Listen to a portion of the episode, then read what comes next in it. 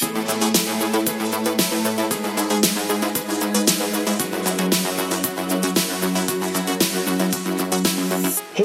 Välkommen till ytterligare ett poddavsnitt här i Popmusik. Idag sitter jag i mitt vardagsrum tillsammans med Johan Bergmark. Välkommen hit. Tack så hemskt mycket.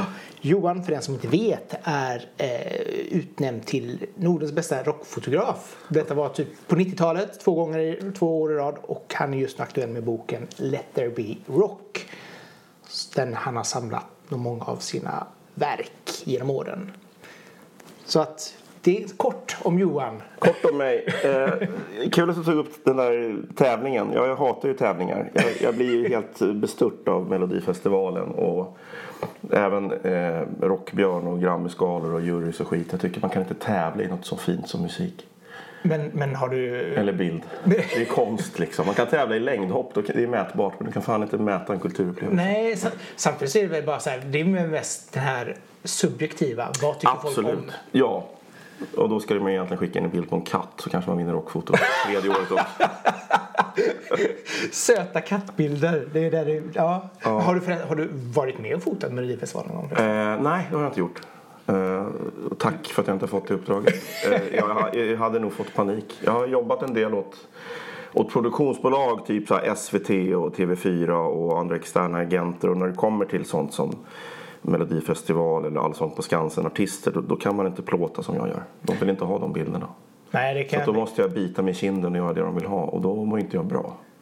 är Så det, jag är en jävligt egoistisk fotograf. Jag vill göra mina bilder. Men är det svårt att liksom så här förs- försöka tillgodose arbetsgivaren i det fallet? Liksom, Ja, men man, man får helt enkelt bara bita ihop. Jag tycker det är jättesvårt att få igenom eh, den bild man vill ta och visa och att den sedan används. Det är nästan alltid när jag ser mina bilder i tryck i tidningar så har de ju valt fel. Och det är lite därför jag har gjort den här boken. Det här är mitt urval. Det, Ah, det är okej. mina, mina bilder. Och en del har folk sett och det är många som aldrig har visats. Som aldrig varit i, i tryck. Hur många bilder tar du på en session i vanliga fall om du har liksom, Eh, en tid snackar vi om knäpp eller färdiga bilder? färdiga bilder? Eh, jag brukar ligga på sju på något konstigt sätt. Ja, okej. Vad jag än gör så hamnar jag på sju färdiga bilder. Och så får Ish. Det ja. kan vara fem, det kan vara tolv. Men, men sju bra bilder, det räcker för en tidning. Det räcker för pressbilder, det räcker för skivomslag. Det är så. Och så av det så kan jag tänka mig att kanske är någon hundring eller hur många tar du när du väl... Ja, jag är, ganska snål. Jag, jag är sent ute med digitala tekniken så att jag plåtar fortfarande som om det vore film i kameran. Ja okej, så det är Så att jag, jag, jag tar verkligen eh, bilder och inte kort. Jag står inte och sprayar som folk gör. Det bara smattrar i kameran om man har Jag har tagit tusen bilder. Jaha, det har du inte alls gjort. Jo, nej.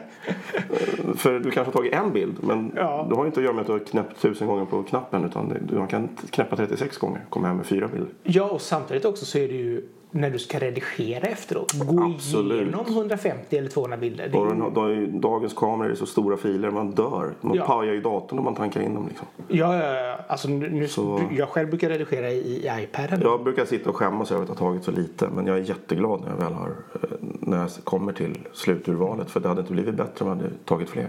Nej, alltså det kan vara de här checka, just när det är konserter, när det är mycket grejer som händer. Absolut. Kan Eh, Det är så. Live, live är en helt annan grej. Det blir som sport och natur. Då måste man hänga med. För det är små, små skillnader i nyanser. Men, Ja, men, men när det är mer uppställda porträtt då, då, då kan jag ta, om man spolar tillbaka, då, två rullar film. Det är, det är ja, det är typ 70 bilder ja, max. Och det är ju... Och det räcker för ett helt jobb. Men brukar du framkalla själv? Eller? Nej, jag, så, jag lämnar in filmerna på soppning. Jag har tagit bort den eh, cancerbiten. Sen skannar jag äggen och eh, jag jobbar därifrån. Men jag jobbar ju digitalt. Jag, inte, jag jobbar ju mer digitalt än med film. Ja, idag, idag kan jag Ja, att det blir så så. det är sådär. Ska jag plåta eh, en artist som inte har en aning om det, då blir det digitalt. Kommer Steve Earle hit, då blir det film. Ja, Det är liksom, Så då, ja, ja, det, det är dyrt och jobbigt och svårt med film. Så att, men det blir också väldigt mycket roligare. Det kan gå fel med film och när det går fel blir det spännande. ja, det kan jag tänka mig. Ja. För där kan du inte heller se, Nej. gjorde jag rätt? Nej, precis. Hade jag rätt inställning? Hade glömde jag liksom? Ja, man har ju gjort sina eh, fadäser som man får städa upp efteråt och då händer det någonting som man inte visste om. På vilket sätt då kan det? Eh, ja, kamera som läcker in ljus och man bara skit också. Eh, och sen blir bilden bättre kommer man på. Det blir mer intressant liksom. Ja, så att eh, det, det, det, är som en ofrivillig app. Som förstör bilden liksom. Man trycker inte på en knapp och det blir likadant varje gång utan man har ingen aning om vad som händer. Och jag tycker att det är lite spännande. Nice. Det är också väldigt eh, nervöst innan man ser neggen. Att Vad har man eller inte har. Det- Man, är, man åker inte hem och är nöjd. Det kan jag tänka mig. hur, hur lång tid brukar det ta innan man får? Nej, det går fort. Det tar till dagen efter. Ja, okej. Ja. Så du har 24 timmar på dig att våndas? Ja, 24 timmars ångest. Men, men det, är, sällan jag pratar bara film. Det är oftast man, man kompletterar. Man tar två rullar film och så kör man lite digitalt. Så man har satt jobbet, kan titta i kameran. Yes, jag är hemma.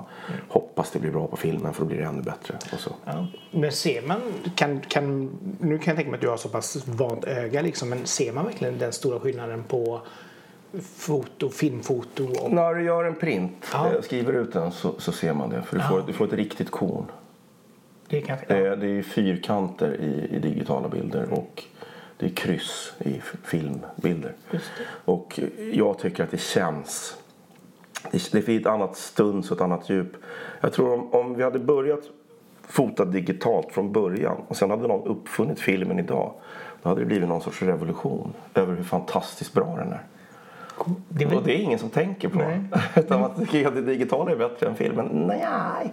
det är väl lite grann vinyl mot CD? Exakt. Liksom. Nu har jag tinnitus och dassig hörsel så jag hör inte skillnad. Nej. Jag gillar ju skrapet ungefär Ja. som jag gillar eh, när det är lite trasigt i filmen. Det är det trasiga som jag tycker är charmigt. Men, men de här nördarna, pickup-nördarna, de säger att vinyl spöar ju skiten ur Mm. vilken fil som helst. Om du snackar CD eller eh, digitala filer. Jo, nej, men det, det blir väl så. Det är bara att titta på Third Man Record, de går ju som tåget.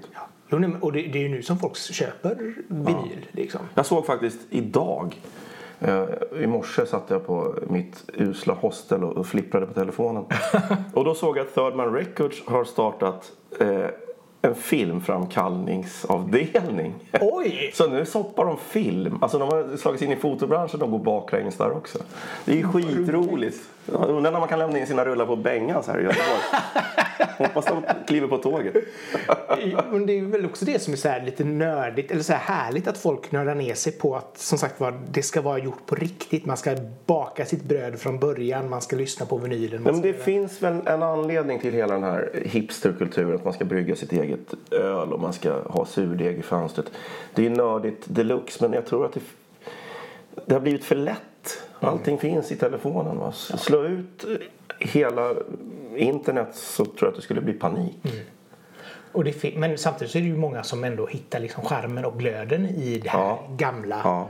Och verkligen lyckas göra en, en hel lifestyle och, och leva på det. Liksom. Mm. Så det är otroligt spännande.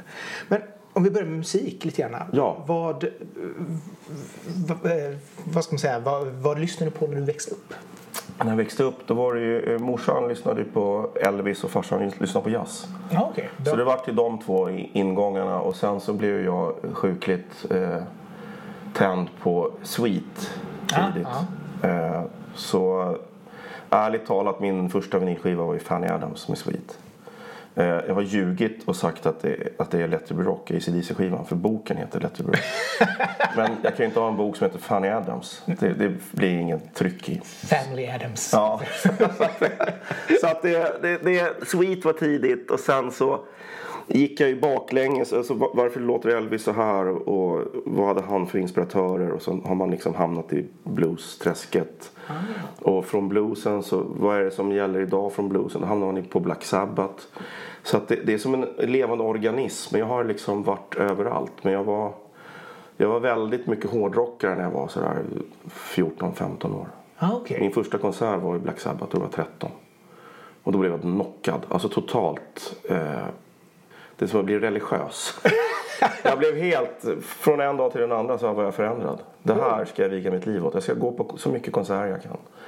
Så Ja. det- det var liksom ändå det som startade också intresset för just Absolut. fotografering. Och grejen är att, att jag gick på så mycket konserter jag kunde. Jag var 13 år. Jag hade eh, jobbat lite extra på, på en Konsumbutik. Men det, jag hade ju inga pengar. Nej. Som 13-åring är det, ju- det är dyrt att gå på konsert. Ja, ja. Och man ville se allt. Så då, då startade jag upp där 14-15 års åldern. Då startade jag upp en tidning som inte fanns. Som hette Flash Magazine. Och så gjorde jag ett falskt presskort. Och så gick jag på konserter som fotograf i tidningen Flash. Och då lyckades jag snylta mig in på de här eh, Harry Burns gig. Ja. Så jag är skyldig honom flera tusen kronor. Men jag hoppas att det är preskriberat. och, och gick och plåtade och gick gratis. Och, eh, på, på små gig i Hammarbyhamnen. Liksom. Vad, vad gjorde du med bilderna?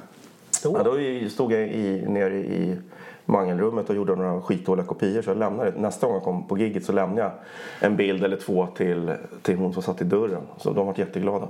Men de fick aldrig se någon tidning för det fanns ingen. så på den vägen kom jag in på plåta. Ja. Eh, egentligen. Jag var inte intresserad av bild. Jag var intresserad av musik. Men, men Sen han, så hade jag löjligt lätt för det. Jag hittade form och det var roligare och roligare. Jag hade kompisar, två stycken, som gick en fotutbildning och de blev skitbra på eh, en termin. Jag bara shit, ni kunde inte plåta innan, nu är ni jätteduktiga. Det där ska också gå. Så gick jag samma. Och jag hade lätt för det och lärde mig hur man, och rätt och fel liksom. Men är det viktigt? Och så bröt jag allt jag kunde mot reglerna såklart. Ja, men är, är det viktigt att lära sig? De, Ja, det, Picasso skulle inte vara så bra som han är om inte han kunde måla. nej. nej, Men- men jag tänker liksom... Men det är ingen som tänker på hans eh, gam, äldsta konst när han var 15 och målade såna här Rembrandt-porträtt som är briljanta. Det är inte det man tänker på när man säger Picasso. nej. För när man har lärt sig allt, det är då man kan skruva sönder och göra något annat av det. Så att det är bra med en utbildning men regler ska man ju skita i tycker jag. Man ska väl, det är väl som alltid, man ska förstå dem. Och, så, Ja, det kanske är så. ja, och på, efter det så kan man liksom ändra sig och Lite grann. tweaka dem liksom, Ja. så mycket man kan. Och sen när man gör fel och det läcker i kameran så kan man alltid säga att Nej, det var meningen. Fast det inte var det. Samtidigt så här, allt kan gå åt helvete liksom vad Ja. man än gör. Så att det Ja, men det går ju åt helvete så det är bara att ge upp tycker Ja. jag. Det är ingen idé att försöka eh, styra upp någonting. Jag har ju slutat planera. Förut hade jag så här, när jag började så ska jag plåta den här personen så tänker jag vart ska jag vara? Eh, vad ska jag ha för ljus? Vilken kamera ska jag ha? Mm. Nu tar jag bara kameraväskan och så är jag där tio minuter innan. Går runt kvarteret, tittar hur det ser ut och sen får man se vilket humör offret är på. Ja. Om det är, ja men här kan man göra mycket och nej, här är det kort och bråttom. Men då finns det en bra buske här runt hörnet och går vi dit. Så har man en nödplan. Är det, är det alltid viktigt att försöka hitta, liksom, att, att bygga upp ett sceneri till, till ett bra foto? Ja, Jag tycker att det, det har med det att göra. Om det ska vara omslag på CD eller tidning, att det är rent. Fast det är orent. Alltså jag tycker om när det är mycket grejer i bild men det kan ju inte vara fullt med byggkranar och röda koner för då, då stör det. Men en trasig betongvägg eller mur liksom är ju jättefint. Då får man en ren miljö men ändå ett liv i. Men kan det vara så att du gärna också försöker sätta ditt offer om man säger i, i obekväm situation? Absolut. Det är, ju mer obekvämt det blir desto mer avslappnade och, och konfusa blir de i ansiktet och det är det man vill åt. Så att eh, jag tycker det är roligt att stoppa in mina patienter i små hål och upp på höga höjder och där de inte hör hemma. Ja, jag älskar ju bilden som du hade i, i boken här på Kjell Unno. Ja, när han står I morgonrocken. i morgonrock. Ja. Nej men det, Kjell Önno är ju plåtad och ser alltid sådär välklädd och glad ut med sådana här stomatoltänder. Så Ja. jag tänkte jag vill göra något annat. Så först fick jag ta ett naket enkelt porträtt på honom och sen efter det så eh, frågade de men nu när jag kommer hit hem till dig i din lägenhet så du, du har ju stylat upp dig. Hur, hur skulle det sett ut om det var söndag morgon? Ja, då går han i morgonrock, sa hans fru från ett hörn. Ja, men perfekt. På med morgonrocken då, Kjell. Och sen gick vi ner i cykelkällaren. Tog en bild. Det är så annorlunda liksom och ändå så här som du säger liksom det här stomatolleendet. Man har ju en bild på Kjell Ja. Som alltid den här nästan så här Men frikyrkopastorn. visst liksom. blev han mänsklig på den bilden? Ja, ja. Alltså mycket, mycket mer sympatisk än stomatolpastorn. Ja, ja, ja, absolut. Och just det här att det blir, det blir så här vardagsrealism på ett sätt som ändå är väldigt så här fish out of water-aktigt fast ändå. Ja. Det här Nej, jag blev jätteglad när hon nämnde morgonrock för jag har alltid velat ta en sån här bild. Jag tror att det är, vad heter han? Pet Sounds eh, sångaren Brian Wilson va? Ja. Han var ju lite psykiskt störd under en period, eller är väl fortfarande. Men det finns en bild på honom som jag inte vet vem som har tagit när han går och handlar i en butik i USA i morgonrock och tofflor och ingenting mer. Det är liksom direkt från sängen ut och handla mjölk. Och den där snoddes ju sen av bröderna Coen. Ja. The Dude gör ju just samma sak. Ja. Så jag har alltid tänkt att den där skulle jag vilja ta på någon. Jag skulle vilja ha någon sån här fel person i morgonrock. Det skulle vara jättekul att ha typ statsministern i morgonrock i, på Konsum. Men, eh, men jag har aldrig hittat något rätt tillfälle. Och sen när de sa morgonrock där så bara yes, nu kör vi. Får jag ta den. Varför, varför har det blivit bara svartvitt? Eh, jag tycker mycket mer om svartvitt. Det är mindre som stör. Man går direkt på kärnan. På, om du vänder upp och ner på eh, en bild och kisar så ser du någonting först. Och det är ofta de ljusa partierna. Mm. Och eh, det betyder att du ser det även när du tittar skarpt och den är, är rättvänd. Och då söker man sig till ögonen. Och det gör man mer och snabbare på en svartvit bild än på en färgbild. För då kanske du hamnar i ett hörn där det är en gul hink eller en, ja. en röd mössa. Så att jag har medvetet valt att, att göra boken svartvit. Och jag tycker om att plåta svartvitt. Mm. Det är en film som tål mycket mer stryk också. Eh, du kan pressa den, du kan, du kan plåta i sämre ljusförhållanden än med färgfilm. Ja, du kan ju få mycket mer konighet och som ja, blir ja, men du, ja, som blir snyggt. Ja. Blir det konigt och färg så ser det ju dåligt ut. Ja. Vilket nu är jättepopulärt. Det ska se dåligt ut. Nu är det hetaste heta i, i Stockholm det verkar ju vara att plåta med gammal ut, film som gått ut i datum i färg. Alltså. Jaha. För att det ska bli fel. det, är helt, det är helt stört. Men, men det blir, ja kanske. för jag vet hur många appar du kan få just den känslan. Liksom. Det är det förstör bilden. Ja. Det är det det handlar om. Ja, och så att man ska få någon sån här vintage-känsla. Mm. Liksom så här, så att. Så att det... Nej, men jag gillar svartvitt. Ja. Det gör jag. Hur, hur hittar du musik idag? Alltså när du... Eh, det är jättesvårt. Jag hade den här diskussionen med en kompis som undrade vad fan, hur hittar man ny musik? Och så jag kom till mig så. Jag kan allt. Men jag vet inte var jag hittar den. Det är, det är mycket genom... Eh, alltså jag är en gammal gubbe. Jag tycker Facebook är bra. Jag har mina kompisar där som är musikintresserade. Jag ser mycket. Jag eh, följer väldigt mycket musiker på Instagram. Mm. Eh, som jag tycker om. Och så ser man att de spelar ihop med någon. Jag har inte en aning om det. Kollar upp det. Och shit, det var bra. Så just nu är jag väl inne i ett sånt där amerikanaträsk. Ah. Det kommer och går vad man gillar liksom. Det, det kan, vara, kan vara inne i, i, i jazz och sen, men nu är det väldigt mycket så singer-songwriter, minimal sättning och det är det jag är inne i just nu. Nej. Så att, men det är väl som med allting. Allting utvecklas. Så kommer helt plötsligt en skiva med en artist man tyckte om sen tidigare. Och så, ja. och så kommer man in på ja. nästa. Men jag är, jag är inte mycket för eh, regler och gränser. Utan jag, Allätare är ett äckligt ord tycker jag. Men eh, jag har inga gränskontroller Nej. på musik. Musik är musik. Och det är så här, ändå är det bra eller så är det dåligt. Och Absolut. då spelar det ingen roll alltså, om det är världens bästa musiker som spelar funk som jag håller på att spy på. Då, då spelar det ingen roll att de är duktiga. Det är inget bra för nej, mig. Nej. nej. Men det är, det är väl så också. Jag menar en låt är en låt alltid. Och jag, mm. menar, det kan vara, jag är inget jättefan till exempel av Lars Winnerbäck. Men Nej. helt plötsligt kommer en låt med honom som är jättebra. Ja men det, han har gjort några bra låtar ja. men jag är inte heller något fan av Lars Winnerbäck. Så att, och, och då är det klart, då får man ju bara liksom säga ja. Det, här det är var... bara att tugga i sig. Ja. ja. Så att det är ju bara till att köra när man upptäcker någonting som känner att Eller hur? det här var... Det här var bra. Men bäst just nu det är Daniel Norgren. Jag hoppas att du såg honom när han var i stan. Nej, det gjorde jag inte. Ja, och jag var i Belgrad när han spelade i Stockholm så jag var tvungen att åka till Hamburg i helgen. så, jag, så jag åkte till Hamburg och kollade på Daniel Norgren. Hur, hur var det? Fullständigt briljant. Mm. Jag skulle säga 11 på en 10-gradig skala. Oj! Ja, han är magisk. Oh, nice. Han är kungen. Jag har inte lyssnat på så mycket så att jag ska Ja, men då har du något att göra sen när jag har gått. Ja. Det är bara att söka upp. Ett fullständigt geni alltså. Nej, vad är det låt? Det är eh, om du tar och korsar Tom Waits och Neil Young. Typ. Ah, okay. Det är både burkigt men ändå väldigt skirt och vackert. Mm. Sen är han ju multibegåvad musiker och kan spela vilket instrument som helst och, och gör det också. Och sjunger bra. Det är supertight band, ståbas, duktig trummis, duktig gitarrist. Så att det, äh, det var magiskt.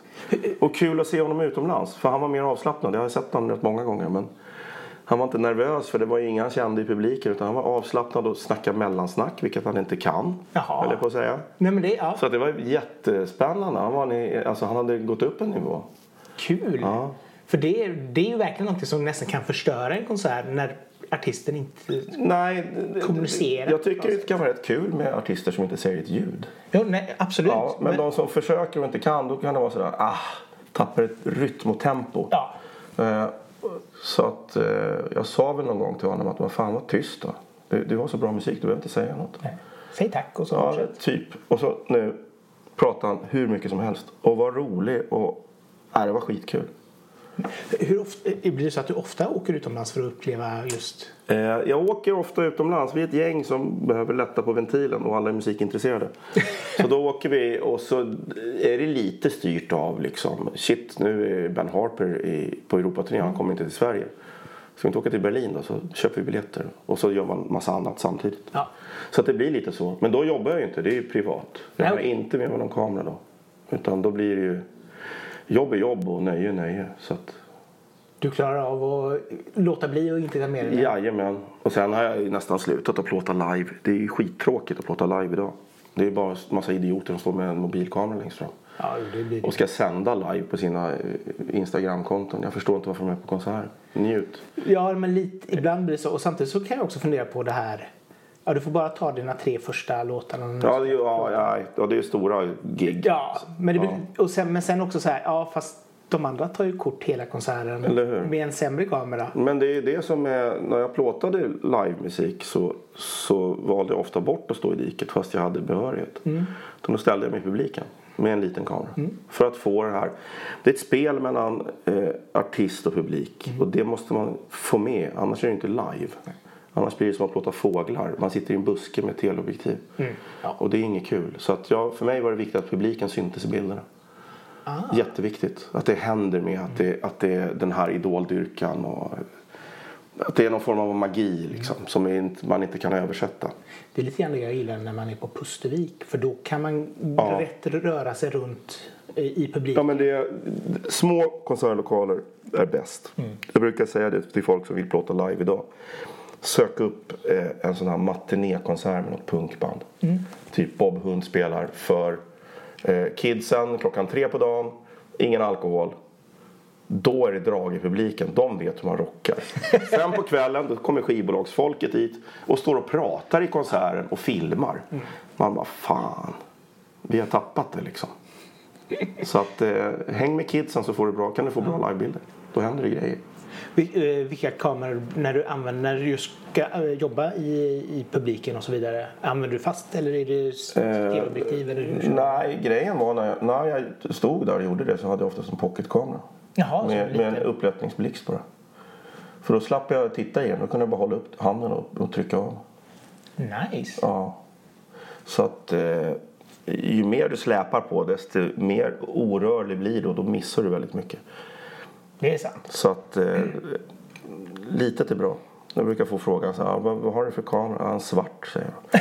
För jag tycker det är så löjligt med märken och, och eh, optik och, och storlek och så. Ja. Och så någon annan fråga, men vad rekommenderar du för kamera? Köp den minsta du kan hitta för då har du alltid med den. En liten kamera är bättre än en stor. Så det, De här som vill börja fota och köpa en systemkamera, den, herregud. Den kommer ju bara samla damm. ja. Ja, det var lite grann det när jag skulle börja fota. Det, var, det första jag tänkte på att den ska vara lätt och liten. Ja. Och då hamnade jag då på Olympus. Men just Ja. det här att de faktiskt gör en väldigt... Sen är ju den inte jättebra kanske på ljuskänslighet men det spelar ingen jättestor Nej, det roll. spelar ingen jättestor roll. Jag tror inte att det är så jättepetigt. Jag menar, jag har räddat... Jag drev ett galleri i fem år i Stockholm. Och då ställde vi ut eh, alla möjliga, alltså skickliga fotografer men som eh, kanske var tvungen att komplettera sin serie med någon bild som har tagit med telefonen. Som inte håller helt enkelt. Men, men det går att trolla rätt mycket. Då lägger man på analogt korn och, och interpolerar upp och så plötsligt ser den ut som den är plåtad med film och så är den en gånger en meter. Men Ja, men, det går. Ja. Allt går att lösa. och, och, det, och, och mitt knep har ju alltid varit här att får man en bild och det blir liksom så här färg, eh, vad heter, ljussättningen är jättedålig och färgen blir inte bra. Svartvitt. Ja, och alltså, du kör svartvitt så alltså? Ja. Du, du räddar. Jag räddar dåliga bilder. Dina svartvita bilder är dåliga färgbilder. Okej. Och ibland, nej men ibland så blir det ju skönt också att man kan få dem, att man bara kör svartvitt för att det faktiskt passar bäst. Men, Jo, men det, jo, men det är lätt att få ihop bilder svartvitt. Det är färg så måste de ju hänga ihop färgmässigt. Ja. Så att jag, jag gillar svartvitt, det har jag alltid gjort. Men fotar du i, när du har digitalkamera svartvitt, svartvitt? Nej, då, jag, jag- då fotar jag färg. Ja. Och sen så gör jag om dem. Fast jag vet ju, jag har ju huvudet så ser det ju svartvitt. Ja. Ja. Det är, man får trolla på vägen. Men det var länge sedan jag hade färgfilm i en riktig kamera. Det var väldigt länge sedan, ska jag säga. Men brukar du ta med dig, alltså när, även nu sa att du när du var iväg med dina kompisar och sådär, men när du åker på semester och sådär, då är det inte någon kamera överhuvudtaget? Eh, jo, jag har med, jag har en liten, påminner lite om den som ligger på bordet där. Att, eh, en, en liten, liten, liten kamera här med fast optik. Ja, okej. Eh, det är 35 millimeter. Så att, men det är väldigt ofta, så nu när vi var i Hamburg kom jag och ska titta i kameran och tagit fyra bilder. alltså fyra kort. Ja, ja, säga. Fyra knäpp, helt oanvändbara såklart. Men eh, så att den, jag bar mest runt på den. Men plötsligt händer det något och då har man, i- det är det här. Eh, och egentligen så ska man ju låta det vara. Det är fint när du får se ett ögonblick som du bara har i huvudet. Jag brukar säga det, jag fiskar väldigt mycket och har rest jorden runt och fiskat på alla stora hav. Sett väldigt mycket delfiner och knölval sådär två meter från båten som är uppe och vänder. Och då, bara lägg ner kameran. Njut av stunden för det där är magi. Det är religiöst. Det är så svårt att förklara. Och sen hur du än gör så kan du lika gärna gå in på eh, eh, en- vilken bildbyrå som helst och hitta ännu bättre bilder på delfiner och valar. Vad fasen ska du hålla på en stor svart grej i ansiktet och missa ögonblicket för? ja, nej, det, Så jag släpper kameran och så bara njuter jag av att jag är mitt, mitt i jordens mitt liksom. Och fullt med fiskar runt omkring mig som hoppar och tar in det i stunden. sam- samtidigt, det är väl lite grann så här, hitta, jag tycker det är intressant när man kan gå omkring och hitta liksom så här, eh, byggnader och vinklar och sånt som kan vara roliga. Alltså street ja, absolut. den biten. Men som, lite grann som du säger, liksom att, att Jag är mer sådär när jag går runt och hittar en jättesnygg vägg eller en fint bilvrak så bara shit, här skulle man haft en artist man kunde stoppa in. Då saknar jag människorna hela tiden så att jag blir mest frustrerad. Men var, var alltid den här eh, porträttfotot det som lockade? Eller? Ja, det är väl en nyfikenhet på människor. Alltså när jag var jätteliten så får man den här frågan vad vill du bli när du blir stor? Då vill jag bli Tarzan. Och det är, det är inget jobb. Det kan man inte bli. Men mitt andra val det var en sån här luffare som åkte tåg i USA. Aj. Och bara bytte vagn och åkte. Och så Huckleberry Finn-figur. Ja, ja, ja, ja. Och hur blir man det liksom? Eh, det är ju inte heller något jobb. Men journalister de kan göra lite vad de vill. De kan åka runt och bara vara. Så skriver de och sen så här Hemingway-dröm liksom. Shit, det, det kanske man skulle bli. Och så gick jag en journalistutbildning och sen så var det en fotutbildning i journalistutbildningen. Och då insåg jag att jag har jag ingen rätt att ljuga när jag skriver. Då var de på mig direkt. Alltså när jag var, var subjektiv i vad Ja. jag tyckte att det hade hänt. Så bara, nej du ska skriva objektivt. Så då ruttnade jag på det. Men när jag fotade där. Då kunde jag vinkla det hur jag ville. Och det var ingen som sa något. Ah. Så då kände jag att ja, men jag är friare i fotografiet. Kan- Och då får jag väl använda kameran till att träffa folk. Istället för pennan. Kan du på, hur kan du få in liksom din objektivitet eller subjektivitet i, i en bild? Det är ju det är jag som bestämmer. Ja. Jag kan ju välja att plåta från två meters höjd eller från golvet. Och det gör jättemycket skillnad i hur man porträtterar någon. Ja, det är ju Eller hur? Makt, makt eller ja, frågor. Absolut. Och det, det, det, det kan du inte göra i skrift för då blir du ifrågasatt direkt. Ja, men nu, nu ska inte du subjektiv och göra den här intervjun med Steve Bannon. Utan du är ju faktiskt, du måste ju ställa frågorna och få svar. Mm. Och så visa det för dina läsare. Medan jag kan lägga mig på golvet och ta en, en underifrån bild och göra dem skitäcklig. Faktiskt. Och det är ingen som ifrågasätter. Nej.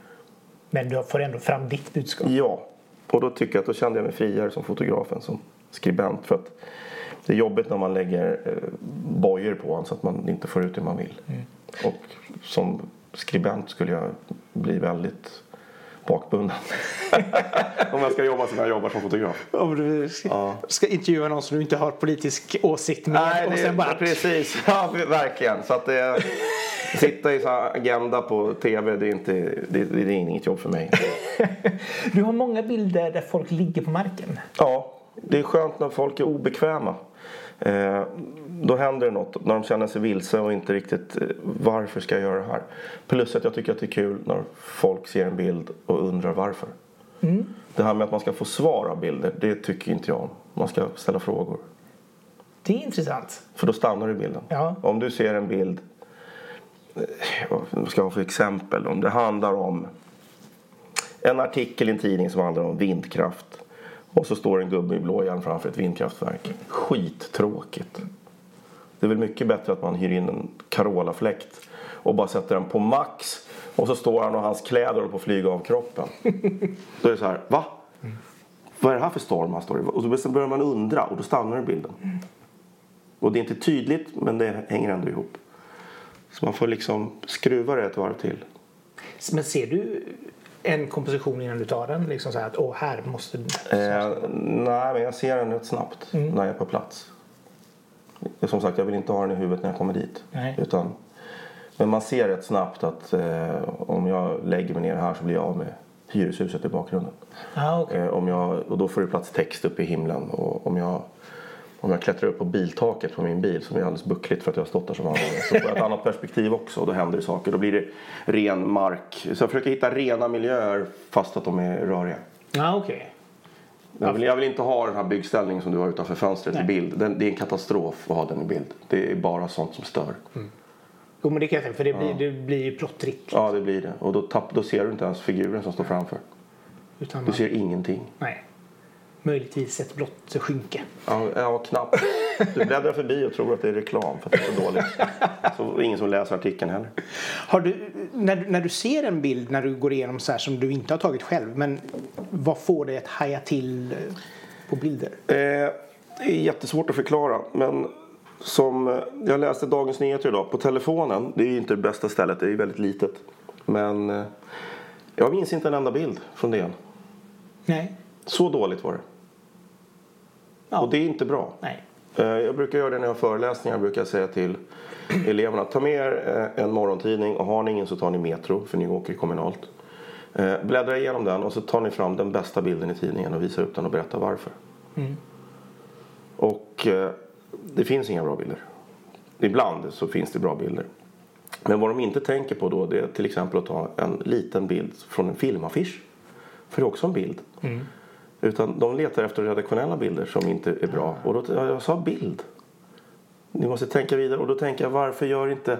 Varför försöker inte DN att jobba, eller fotograferna överhuvudtaget på alla tidningar. Jag ska inte hänga ut DN. Men eh, det är bara för att jag läser just den tidningen. Men jobba hårdare på vardagsomslagen. Liksom. Mm.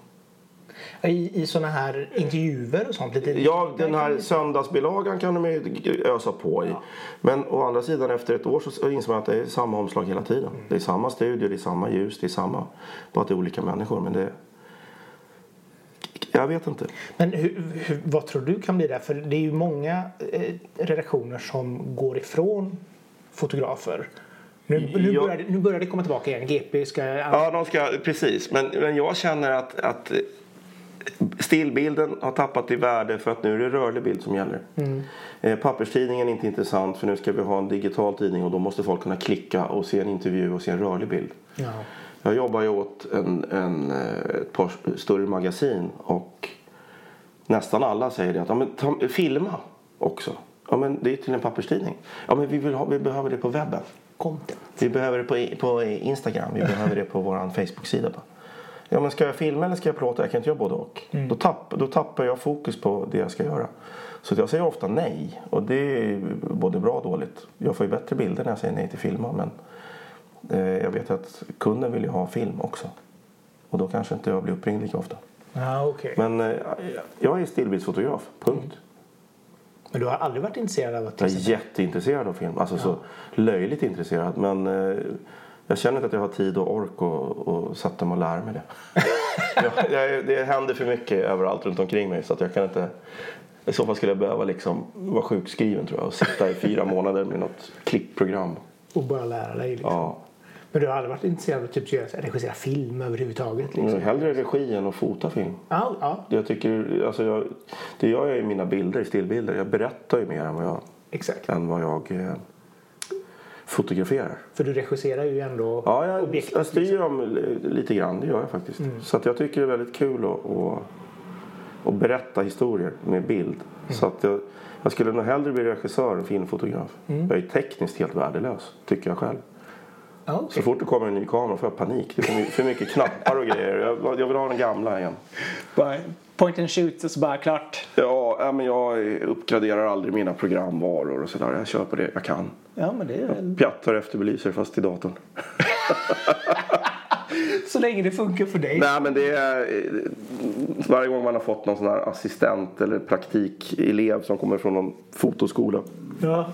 Så är det så svårt att säga nej så jag säger ja när de ringer och så kommer de och så. Och bara, eh, eh, jaha? Det här var gamla program, jag har aldrig sett en gång liksom. Och du bara säger ja, då redigerar du de här hundra bilderna. Tack så Precis. mycket. Och, och, och snälla, snälla, vad du än gör, tryck inte på uppdatera-knappen på min dator för det blir panik. Du har en Mac från 2012 liksom. Typ, ja men jag har det. Ja, kör med CS3. Fast jag är tvungen att ha CS6 eller 7 eller vad det är för att kunna öppna mina filer för de är för stora för att öppna i CS3. Så jag, har, jag använder Bridge i ett nyare program, sen så lägger jag på skrivbordet och så använder jag CS3. Och jag blir så utskrattad av alla runt omkring mig. Vad håller du på med? Ja, men jag tycker jag hittar inte i den andra. Det, men det räcker för mig. Nej men så, Ja. funkar det så vad fasen kör liksom. Vad fan, de kunde ju ta skitbra bilder på 70-talet. Då hade de ännu äldre utrustning. Så det har Ja. inte med prylarna att göra. Nej, och det är väl det som är grejen. Det är ju många fotografer som säger det att det är liksom ingen teknikrace heller utan antingen så är du bra fotograf och då spelar det ingen roll vilken kamera du har. Men lite grann är det så. Det är som musiker. Jack White kan spela på en ensträngad hemgjord gitarr. Liksom. Ja. Eh, Det har inte att göra med att han har den dyraste Gretchen från 63. Utan det är en Hobbex-gitarr. där. Det låter bra ändå. Ja. Jo men det är ju lite grann så. Ja. Alltså, det är ju ändå ett redskap. Sen är det ju personer som använder redskapen. Ja, sen är det, du ska ju hitta på ditt redskap också. Du ska ju veta var allting finns. Det har ju med det att göra. Ja. Det är väl därför jag är så fientligt inställd för att jag vill inte ha nya knappar. Jag vet var de sitter nu. Och då tycker jag att det är jobbigt att uppgradera allting. Och behöver man inte så spelar det fast med ingen roll liksom. Nej, jag tycker att det duger. Det är så, förra kameran, som jag, förra arbetskameran, så sa jag att jag behöver aldrig mer köpa en kamera. Men nu har jag, eh, då gjorde jag, köpte jag en till i alla fall. En uppgradering. Men nu har det kommit ytterligare fyra, fem efter. Men det, nu räcker det. Du får klara sig tills den går sönder liksom. Ja men faktiskt, och då kan jag fixa. När, när den är död så kan jag titta på något Ja. annat. Och det, behöver, det är ju väl då man behöver göra det. Liksom. Ja, men det, är, det är som bilar. Tyvärr, de blir ju sämre ju äldre de blir. Men varför ska man hålla på och upp- uppgradera bilarna hela tiden? Särskilt med hur det ser ut i världen. Och man ska konsumera mindre liksom. Ja, ja, ja, absolut. Sen eh, det enda, en, en anledning till att man ska uppgradera en bil det är väl så för att den blir mer och mer miljösmart ju äldre Det nyare. har du rätt i. Ja. Men samtidigt då ska du i så fall köpa en elbil så har du ju... ja, men din gamla miljöfarliga bil den kommer ju köras ändå av någon annan. Exakt. Så att, eh, Så det är lika bra. jag, jag har samma princip på min bil som jag har med min kamera. Jag kör den tills den dör. jag vet inte om det är bra eller dåligt men det, det är enklast så. Ja. Var det någon fotosession som var extra svår att göra? Ja, man har haft en del svåra. Jag tycker alltid att det är svårt när det står någon över axeln och, och tycker till. Men det är de här beställningsjobben. Eh, och då är det bara att gilla läget. För då är jag, det är ungefär som om du är snickare. Och så ringer en kund och säger att jag vill att du kommer och bygger ett kök hos mig. Och så talar du om exakt hur du vill ha det. Ja, då får han göra det så. Och det tycker snickaren är skittråkigt för då har jag satt spisen på fel ställe. För han är ju proffs. Men han gör så som du säger. Eh, och om jag då är snickare så vill jag plåta för jag tycker att jag vet bättre än beställaren som står bakom ryggen. Och, så att jag är en liten grinig gubbe när det kommer till eh, folk som ska bestämma över mig. De har ringt mig av en anledning. Då kan väl jag få göra mitt jobb. Tycker jag. Ge mig era ledord och så fixar jag det. Eh, så sånt jag, tycker jag är lite mm, bökigt. Men det finns ju situationer som är svårare än andra självklart. Men jag, jag kan inte hitta någon sådär på rak arm. Jag tycker oftast att, att det är ganska lätt. Jag tycker att människor är väldigt snälla och gör som man säger. Jo men det, det har jag märkt när jag har intervjuat många artister under åren. Liksom. Jag har aldrig träffat en artist som har varit otrevlig. Eller, alltså, Nej. alla vill ju samma sak. De, Men det, den där frågan får jag hela tiden. Liksom, kan du inte nämna några svin som du har mött? Och då har jag liksom jobbat med det här i... Jag har plåtat snart 30 år. Och det kanske är tre, fyra stycken. Det är ingenting. Nej. Jag menar, jag möter ju tre, fyra idioter på stan på en vecka. alltså på riktigt, det är ju ingenting. Nej. Nej men de, alltså, som sagt för de flesta vill göra en bra, bra intryck av det sig. framför allt, eh, hej, jag heter Johan Bergmark, jag ska plåta dig för tidningen Vi. Har de ställt upp så, så har de ju ställt upp. Annars kan vi säga nej från början. Ja. Så det är väldigt, väldigt ovanligt. Skönt ändå. Ja, jag tycker det är jätteskönt. Ja, för det känns, alla har ju liksom den inställningen liksom att åh, den personen verkar så drivig. Ja. Men så, sen är det det här också, man får ju bemöta folk. Eh, Man måste inse att en, en känd människas mest dyrbara ägodel eh, vi- tar, bara dra till med typ Alicia Vikander. Hennes dyrbaraste ägodel är tid. För hon är alltid påpassad. Alla vet vem hon är i hela världen och hon kan inte röra sig. Och plötsligt ska hon vara, eh, bli plåtad och så ska folk sitta och berätta för henne vad duktig hon är som skådis. Det är, det du äter upp hennes tid och hon blir irriterad och så får du dåliga bilder. Det är bara att gå in som om man vore en tandläkare. Eh, om jag går till tandläkaren så vill jag att min tandläkare tittar mig i munnen och säger Ja, G4 här är lite rutten, den drar vi ur. Och så bara bedövning så drar han ut tanden. För han är proffs, jag litar på det. Så jag börja leta och så bara, Åh, Anna-Lisa kan du komma och titta på plåtarna här, så röntgen. Jag är lite osäker, vad tror du? Ja, mm, nu kan du komma tillbaka imorgon så ska vi titta på det en gång till. Då blir han nervös. Vad fan, ska jag lita på honom? Kan han sitt jobb? Så det är bara att storma in på det där hotellrummet 13 minuter med Lisa Vikander och så här. Lägg dig på mattan, ställ dig i hörnet, in i garderoben. Papp, papp, papp, papp. Och hon gör det. Och sen är man klar. Hon är nöjd, jag är nöjd. Och jag får bilder som ingen annan får. För att jag vågar säga till. Men det är också respektfullt. En del kan tycka att det är respektlöst, men det är precis tvärtom. Jag värderar hennes tid. Får jag 13 minuter så är jag ute på 13 minuter. Och jag pratar inte bort dem. Då kan man bli lite tråkig och otrevlig för att jag hinner ändå inte bygga upp något förtroende på 13 minuter. nej. Det är en sak om man ska stoppa in Rolf Lassgård i bilen och så åka två timmar för att ta en bild. Då har vi något att snacka om. Men brukar du försöka hitta liksom personens inte själ kanske, men någonting som... eh, jag är ute efter det här Edward S. Curtis, hette han så, han som plåtade indianer. Ja. Och tog deras själar tyckte de, eftersom de hamnade på en plåt och fattade ingenting. Nej. Eh, Det är väldigt avskalade ne- neutrala uttryck och det är det jag är intresserad av. Att vi alla är likadana. Inte det att Åh, Alicia Vikander, hon är helt annorlunda mot alla andra. För mig är det tvärtom. Hon är precis likadan som, som du och jag. Och som våra föräldrar och som våra grannar. Vi har alla människor bär på samma drömmar och, och eh, vi har alla känt sorg och vi har alla varit kära och vi har alla mått dåligt och vi har alla mått fantastiskt bra. Så att vi är likadana. Ja. Och det är det jag är ute efter. Ett sånt naket uttryck. Och sen kan man skruva lite på rattarna efteråt. Men det är liksom ner i någon sorts nollläge. Som passbilder.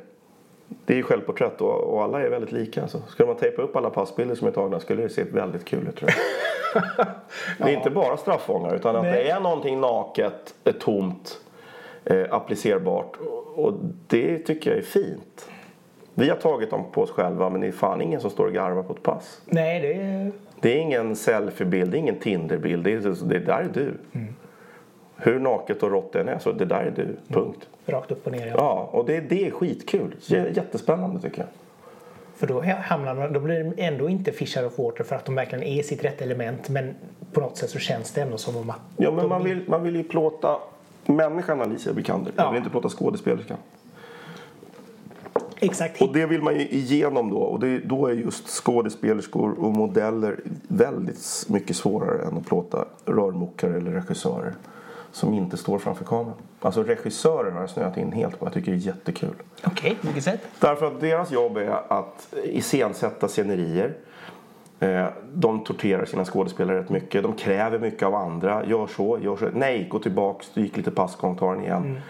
Men de själva är ju sådär. Du kan räkna upp 30 filmer som du tycker är kanonbra. eh, Och du vet vem som har regisserat dem. Hur ser de ut?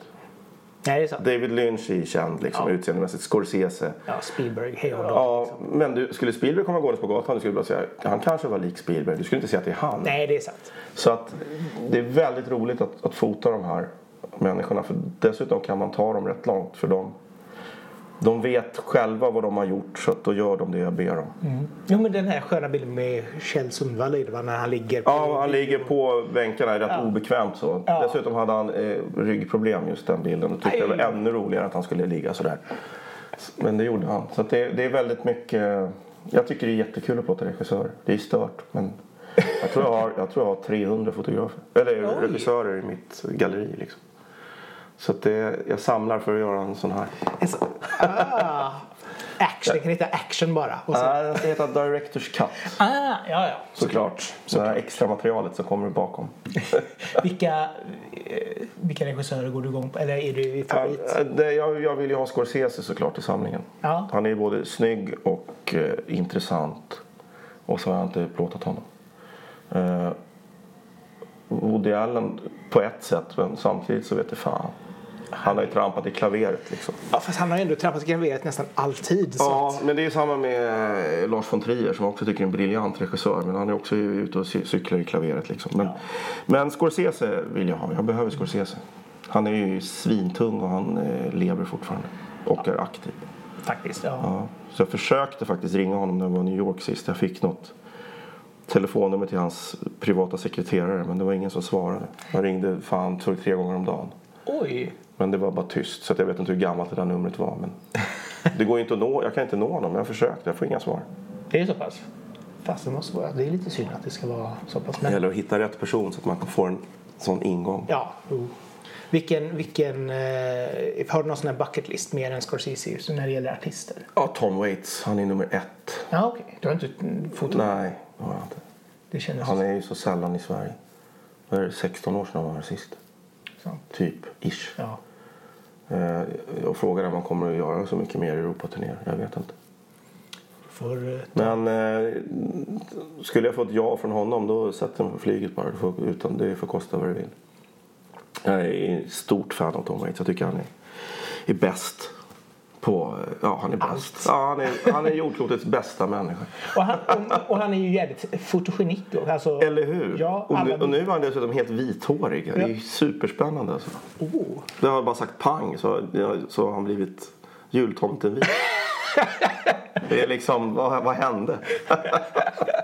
Men det, ja, okej. Ja, så det skulle vara magiskt. Få komma hem och hänga en halvtimme hos honom. Ja. I hans garage med allt skräp och skrot. Skulle vara skitkul. Bara få ta den där, den, den där bilden. Ja. Där du faktiskt inte får ljusinsläpp. Nej, ja, nej, men då skulle jag naturligtvis ta med mig min trasiga kamera. För att jag vill ha det.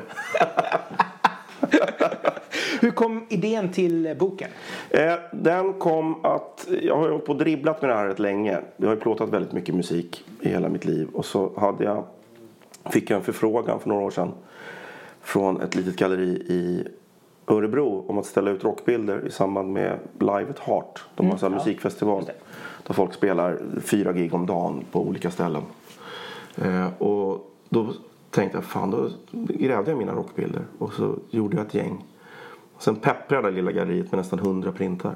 Oj. Så att jag gick ju bananas. Jag tyckte det var jättekul. Eh, och så var allting klart och printat och ramat. Så då fick jag möjlighet att ställa ut det i Stockholm på ett hotell som heter Hilton. Och eh, det gick ett rykte om att jag hade väldigt mycket rockbilder. Sen hörde det här förlaget av sig, Gren Nylin. Och sa att vi måste göra en bok på dina bilder. Ja, jag vet, jag har tänkt på det men jag är inte riktigt färdig. Sa jag då. Jo, nu ska vi göra en bok. Och jag är jätteglad att de tjatar på mig för då blir den ju klar. Annars skulle jag sitta och hålla på fortfarande. Jag ska bara ha den här artisten också. Jag ska bara ha den. Eh, och anledningen till att jag föll för det där det var att jag insåg att den första rockbilden jag tog då var exakt 27 år sedan. Ah. Och 27 är ju den här rock'n'roll-siffran Ja. på ett tragiskt sätt. Ja, exakt. Det är ett perfekt bokslut. Jag har bilder i ett 27-årsspann. Så eh, då tackade jag ja och sen var det stressa hela sommaren och få ihop material. Och så. så kom det en bok i november Ja. förra året. Nej, vilken var den första? Det är en bild på Creeps som spelar på Ritz. Oj. Oh, I like it som heter. Ja, det var innan. Det var Now Dig This Ja, eh, tror jag. Och eh, då hade jag en sån här Hobbex-kamera som jag hade köpt. Du vet, så postorder. Ja, ja, ja. En praktika, en östtysk kamera som drogs fram med... eh, Alltså jag skruvade sönder den där sen eh, när jag skaffade andra kameror för jag var nyfiken på hur den funkade. Och då är det så här framarmen man drar fram filmen. Det, sitter, det är en fisketråd där inne. Alltså.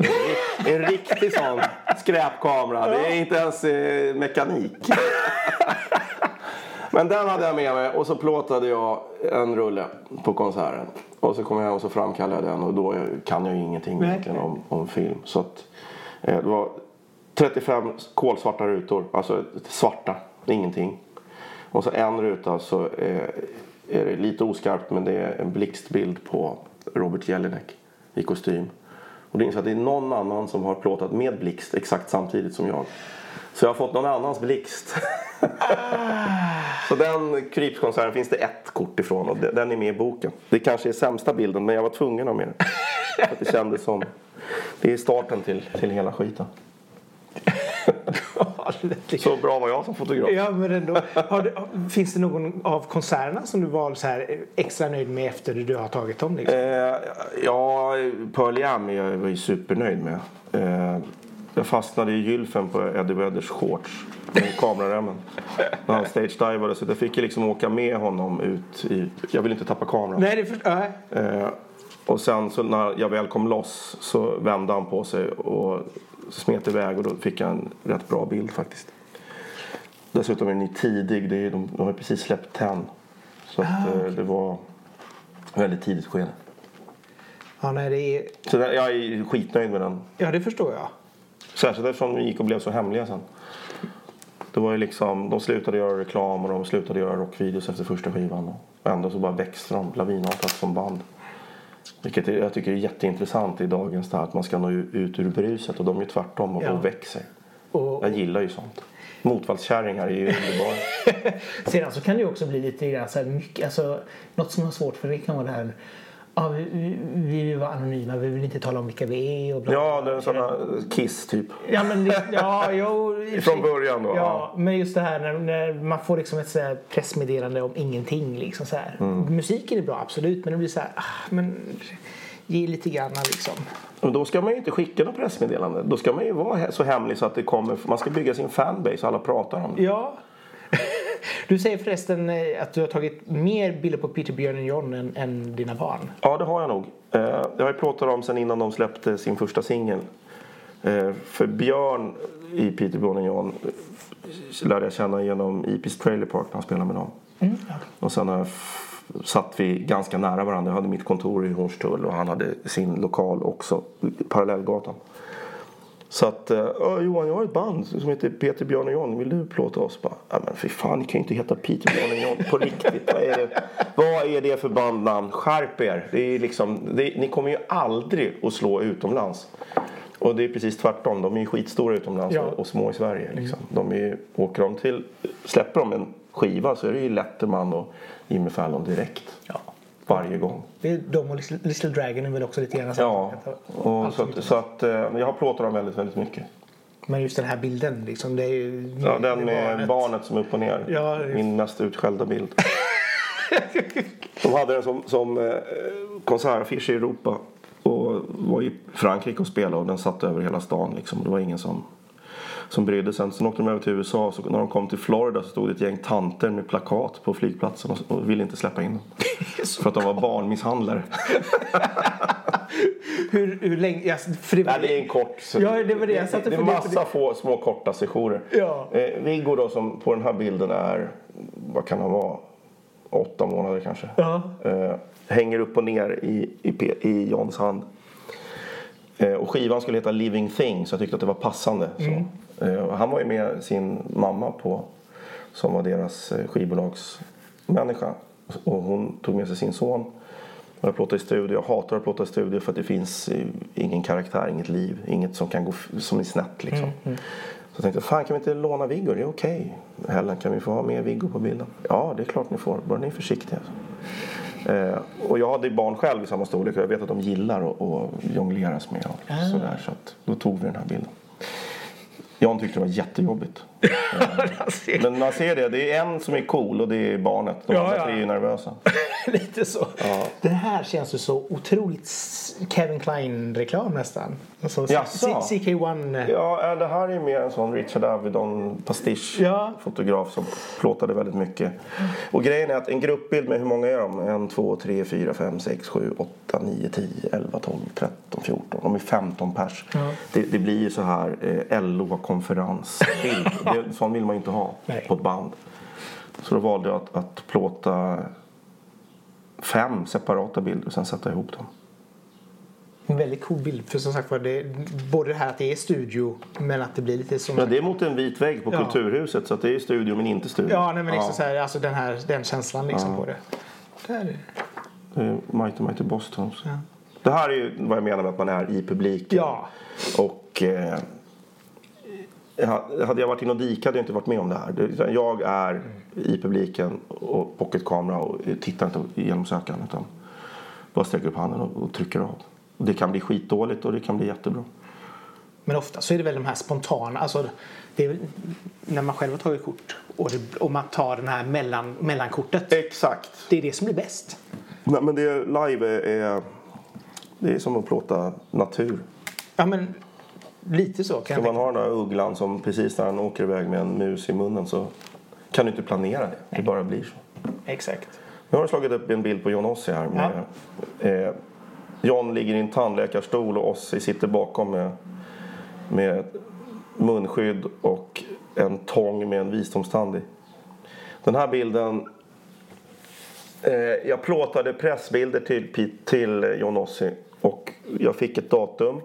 Och då sa jag att jag vill vara utomhus, för jag gillar att vara utomhus. Jag gillar miljöer och det, man kan göra mycket olika bilder på kort tid. Det var bara det att det regnade hela dagen. Så att vi åkte runt och försökte hitta små tak. Eh, och det var typ samma bilder om och om igen.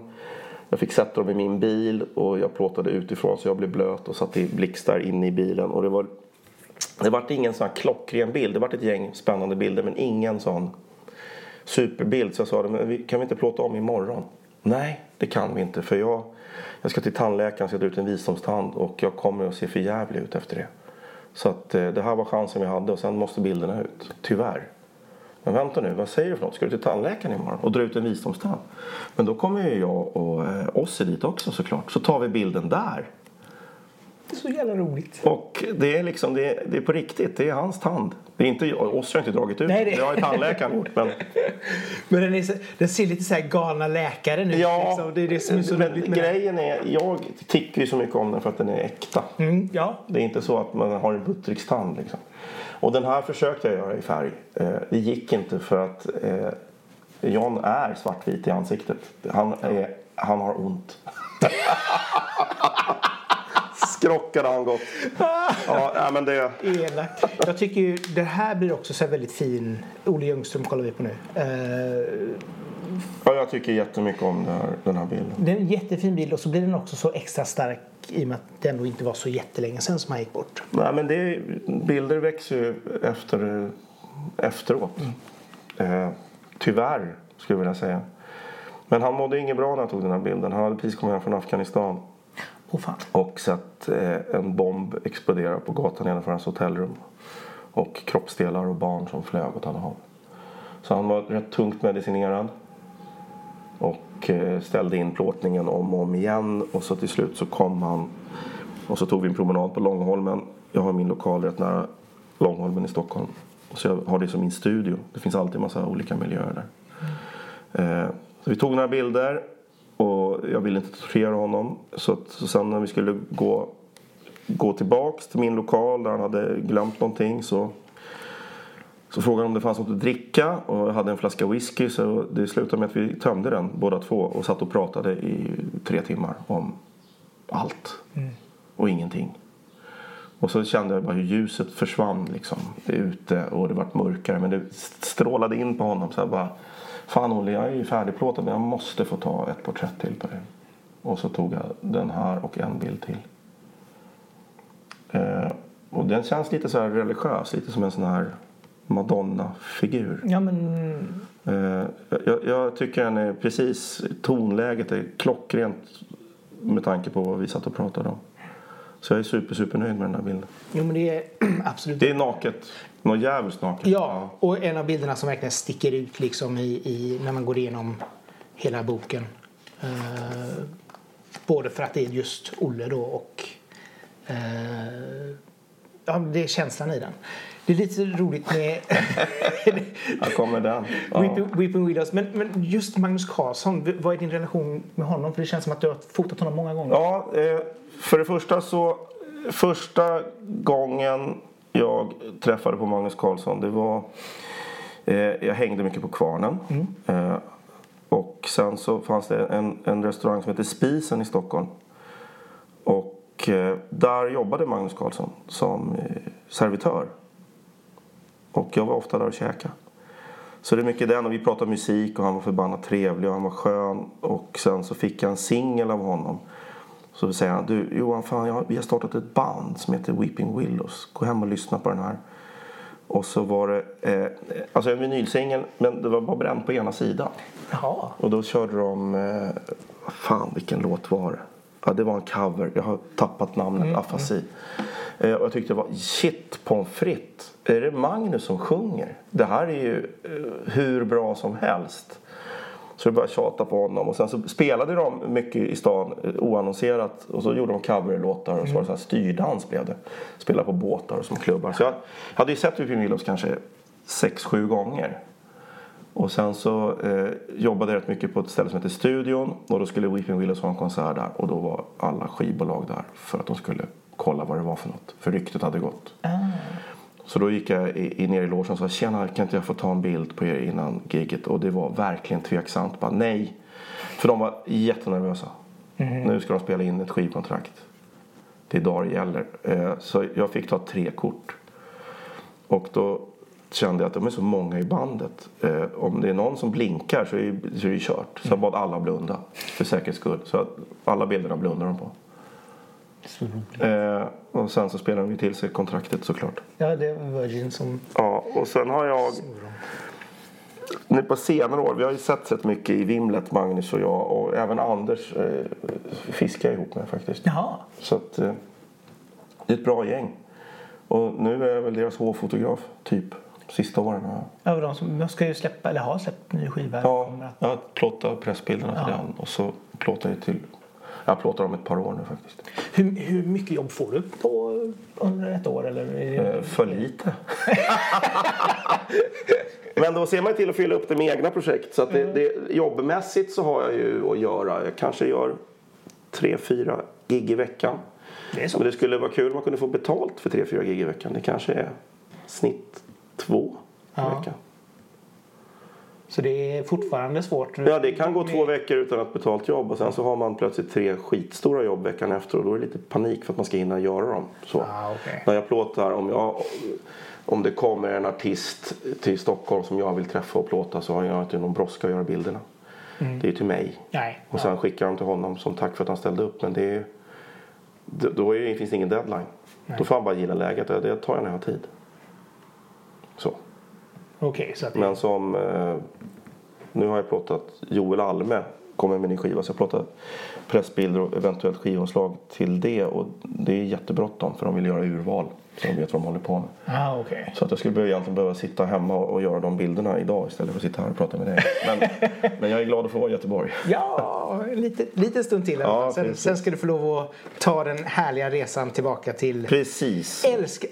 Jag har bara hört... Du kommer kanske eh, Ja, trampa, trä, trä, Nej, nej. trampa någon på tån men jag har nästan bara hört negativt om Magnus Uggla. när det- Jag älskar Magnus Uggla. Ja. Han är en liten gnällkärring. Exakt. Och det är underbart. Jag tycker, det är så, jag tycker så mycket om att plåta personer som man från början får höra se upp. Ja. Alltså det är det bästa jag vet. Jag älskar det. För det, det kan ju bara bli bättre. ja. Så jag plåtade Magnus Uggla två gånger. Ja. Eh, först skulle jag plåta till hans bok. Så det, han har gjort någon självbiografisk bok nu som har en jättelång och konstig titel. Eh, och då har jag plåtat omslaget och eh, så här författarporträtt till den. Och då ville de ha honom på en scen på Södra Teatern. Så vi lånade Södra Teatern och skulle plåta Magnus Uggla där. Och så skulle vi plåta klockan 10. Eh, jag är där 10 i 10. Magnus Uggla var där 9. Oj. Han är skitsur. Eh, och, och jag får höra det direkt för jag är först. Eh, och då är liksom skivbolagsfolket ska, ska, eller ska vara med. ja. Eh, formgivaren ska vara med. Det ska komma någon hårtjej, någon sminktjej och någon klädtjej. Och de kommer ännu senare. Och då är ni uppe i limningen. Över att, ja men vi sa att vi ses tio. Det var ju så, jag var tidig. Ja. Vi skulle ses tio, inte vara färdig och plåta tio. Han var där nio. Och tyckte att det var slöseri med allting. Så han var, började ju satt i ribban sådär. Åh vad mysigt det här blir. Men jag kände att jag har inte gjort något fel så jag var cool. Ja. Och gick upp och riggade och, och fixade och frågade om jag fick dra igång rökmaskinen för att binda ljus och sådär. Och så tar jag och formgivaren precis vilken bild vi ska ha, så vi tar den. Men då skivbolaget ah, men kan vi inte ta några tajtare porträtt? Kan vi inte ta lite mer färg? Kan vi inte sätta honom där? Så sätter honom i stolarna, det är en sån teaterfoyer. Ja. Alltså han sitter ensam i publiken. Det är väldigt rött, väldigt snyggt. Tänk, där sitter Magnus Uggla och hela Sverige vet att han inte är jättelång. Nej. Tänkte fan vad kul det är om han inte syns. Att han bara sticker upp ögonen mellan två stolar så. Så då frågar Magnus här. Går det att få dig lite kortare? Säger jag. Varpå han tittar på mig helt tomt och de här skivbolagsmänniskorna de, de håller på att få en hjärtinfarkt. Så får man inte säga till Magnus Uggla. Då säger han så här. Det har aldrig någon sagt till mig. Och så sjunker han ner. Och ställer upp på det. Och dagen efter så ringer Magnus mig och säger Du Johan, vi tar lite nya bilder va? Utomhus utan de här kläd och tjejerna och sminkgrejerna. Kom förbi mig. Underbart. Och då, för då gillade ju han att jag var rak och tydlig. Så då tog jag den här bilden. Eh, då har jag tryckt in han i ett jättelitet hål. Där, där en vuxen människa inte får plats. Och knappt Magnus heller. Men jag tyckte det var lite fint att få in han där. Gör han liten dag två också. Ja, jag tycker jättemycket om Magnus. Stor humor, skitrolig kille faktiskt. Ja, men det kanske är just den här... Han är ärlig och rak bara. Det är, det är inte så jävla svårt att vara det. Nej men det är kanske den här isbrytaren som man behöver liksom. Inte bara den här ja tack så mycket folket liksom. Nej men slicka folk i arslet liksom är inget roligt. Popsicle är också fantastisk. Ja, eh, det här är eh, Andreas Mattsson. Han är i kameraskygg. Han vill aldrig vara med på bild. Så att när jag plåtar Popsicle nu när de har återuppstått så brukar jag alltid börja med att Andreas du kan väl vända dem? Och, då blir han mjuk och får gud vad skönt jag slipper synas. Så får jag en ryggtavla och, tre killar liksom. Men sen börjar han ju vända sig tillbaks och så händer det saker. Den här bilden är tagen, han gjorde en singel ihop med Anna Stadling. Och då tänkte jag att jag skulle plåta de två tajta porträtt och sen riva sönder dem och sätta ihop dem Ah. tillsammans Ja. som ett ansikte. Men det blev inget bra så att jag, jag eh, har helt enkelt en bild på Andreas Mattsson där jag är ett blundande öga och ett tittande öga. Men det tittande ögat är utrivet från en annan bild. Så att det ser skevt och konstigt ut. Men det blir också rätt spännande. Mm, väldigt snyggt. Ja. Brukar, det, När jag släppte boken så kom han på, eh, på vernissagen, eller boksläppet. Och så bad han skriva i min bok. Då kan vi skriva något på bilden. Så här. Och så skrev han så här. Eh, eftersom han inte gillar att bli fotograferad. Så skrev han så här, Snygg bild, synd att det är jag. han är ju skitrolig också. men för, för det är samma sak med, med Jocke Berg-bilden så har du också tagit bild på bild. Ja, för den var jag inte nöjd med. Nej. Eh, Den är gjord i mörkrum. Eh, analogt. Jag fick inte till det där uttrycket. Jag tyckte att det var... Jag har slarvat. Jag, jag var för snabb. Jag fick inte ner han i rätt tonläge. Så jag var sur på mig själv. Så jag knölade ihop bilden till en liten tennisboll. Och kastade den mot papperskorgen. I den ljusa våtrumsdelen. Missade. Orkade inte plocka upp den. Gick in och gjorde nya bilder. En helt annan serie. Så när jag kommer ut i ljusvåtrummet så har den börjat veckla ut sig den här bilden. Och den är alldeles skrynklig. Och plötsligt så har den rätt uttryck för att det har blivit skevt. Så då tar jag fram den och så plåtar jag av den med en ny film. Som jag framkallar och gör en gång till. Så det är så långsamt förfarande.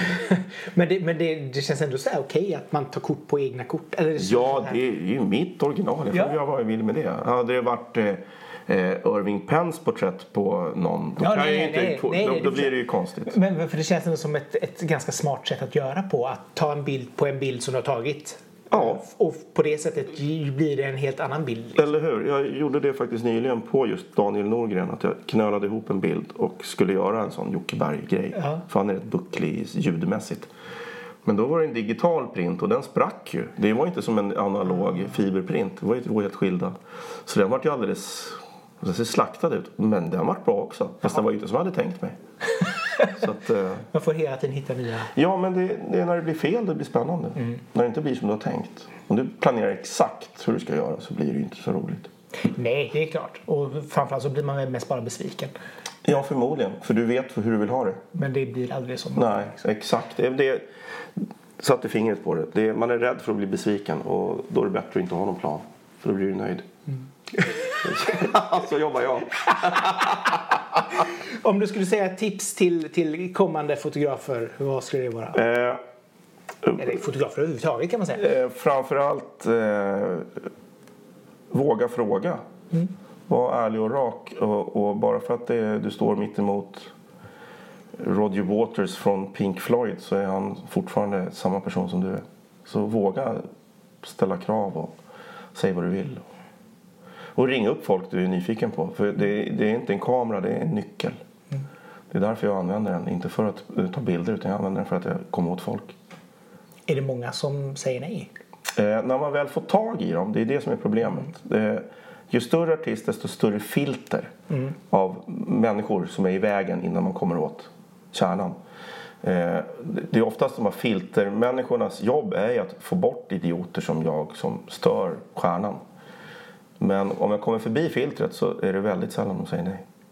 Det är så pass. Det är, jag får n- av tio frågor får jag ja på nio. Men det gäller att komma åt dem. Och då har ju världen blivit lite enklare med det här digitala som jag nyss har slaktat. Det är att de har ju oftast egna Instagramkonton och Facebook-sidor. Ja. Och där kan du komma åt dem direkt. ja, det är bara att skicka iväg ett meddelande. Liksom. Ja, och det är sådär. Eh, om det är Ed Harcourt Facebook-sida så tror man att det är skivbolaget som driver den. Nej, det är han. Det är lite coolt. Det är så, fast det är, Vissa har det, ju inte det, det, men- det, det, det är inte tydligt, men det är så. För då kan han vara lite fräck och inte behöva svara när han inte vill. För det är inte han som, som driver den, fast Nej. det är det. Och det. Så det är lite spännande när man, man skickar till sådana här artistsidor. Så är det väldigt ofta artisterna själva. För att de gör ett bättre jobb än vad skivbolaget gör. För skivbolaget har ju 700 akter att ta hand om. Och om de är ute på en liten Europaturné då uppgraderar de hela tiden Mm. själva. Ja, och det är väl det som också tycker är charmigt numera med just det här att man kommer så nära in på Ja, artisten. det, liksom. jag gillar också det. Och att, eh, att artister turnerar mer nu än vad de gjorde för ett antal år sedan. Du tjänade så mycket pengar på musik förut. Nej, ja. Men det gör du inte längre. Nej. Det är ju bara småpotatis. Så att du måste, för att överleva på, på det du gör så måste du spela live och sälja merch. Mm. Så att jag tycker att det finns positiva saker med den här skitindustrin. för oss som gillar musik. Vi får se fler liveakter. Ja. Fast inte i Stockholm då i och med att de ska stänga ner allt. Eh, ja, tyst. eh, nej, men Stockholm är... Ja, fy fan vad de håller på och förstör. Men eh, Det är så synd. liksom. jag, jag, jag vill inte... Eh, vad heter det? Stämma i bäcken. Jag tror att det kommer att vända. Det, ja, men det, det lär det göra. Ja. Det kommer ju alltid vara perioder då det är öken och sen kommer det perioder där det öppnar liksom Men, det, det, ja, men man får väl njuta av att de artister som vill spela i Stockholm får spela på ännu mindre ställen då. Och det är ännu bättre för fansen. Faktiskt. Tråkigt för artisten men ju mindre venue desto bättre konsert oftast. Det är sant. Och samtidigt också så är det i och för sig lite svårare kanske att få tag på biljetter men samtidigt Ja. de som är där vill ju verkligen vara där också. Ja, det är helt sant. Så att då blir det inte Mm. den här att Åh, vi har ett event, gå dit. Precis. Utan- Ja, vi har sålt 30 biljetter. Den är fin vet du. När man har köpt en fullprisbiljett och så kommer man till eventet så står det så här eh, halva priset. Ja, eh, jaha. Där får man för att man vill stödja. Ja, där, där får man för att man, eh, man hjälper till liksom. Johan, underbart att ha det här. Tack för att jag fick komma hit. Ja, väldigt trevligt. Och till er som har lyssnat hoppas jag att ni också har haft det lika trevligt som vi har haft det. Eh, som sagt var, kolla efter boken Let there be rock och gå igenom lite bilder hemma. Det är ganska mysigt. Eh, fortsätt som vanligt att följ eh, podden gärna och eh, dela den och gilla den och så vidare. Så sprid den så att ännu fler både hör den och kommer hit för att bli intervjuade. Eh, men från oss till dig. Tack och hej! Tack. Hej.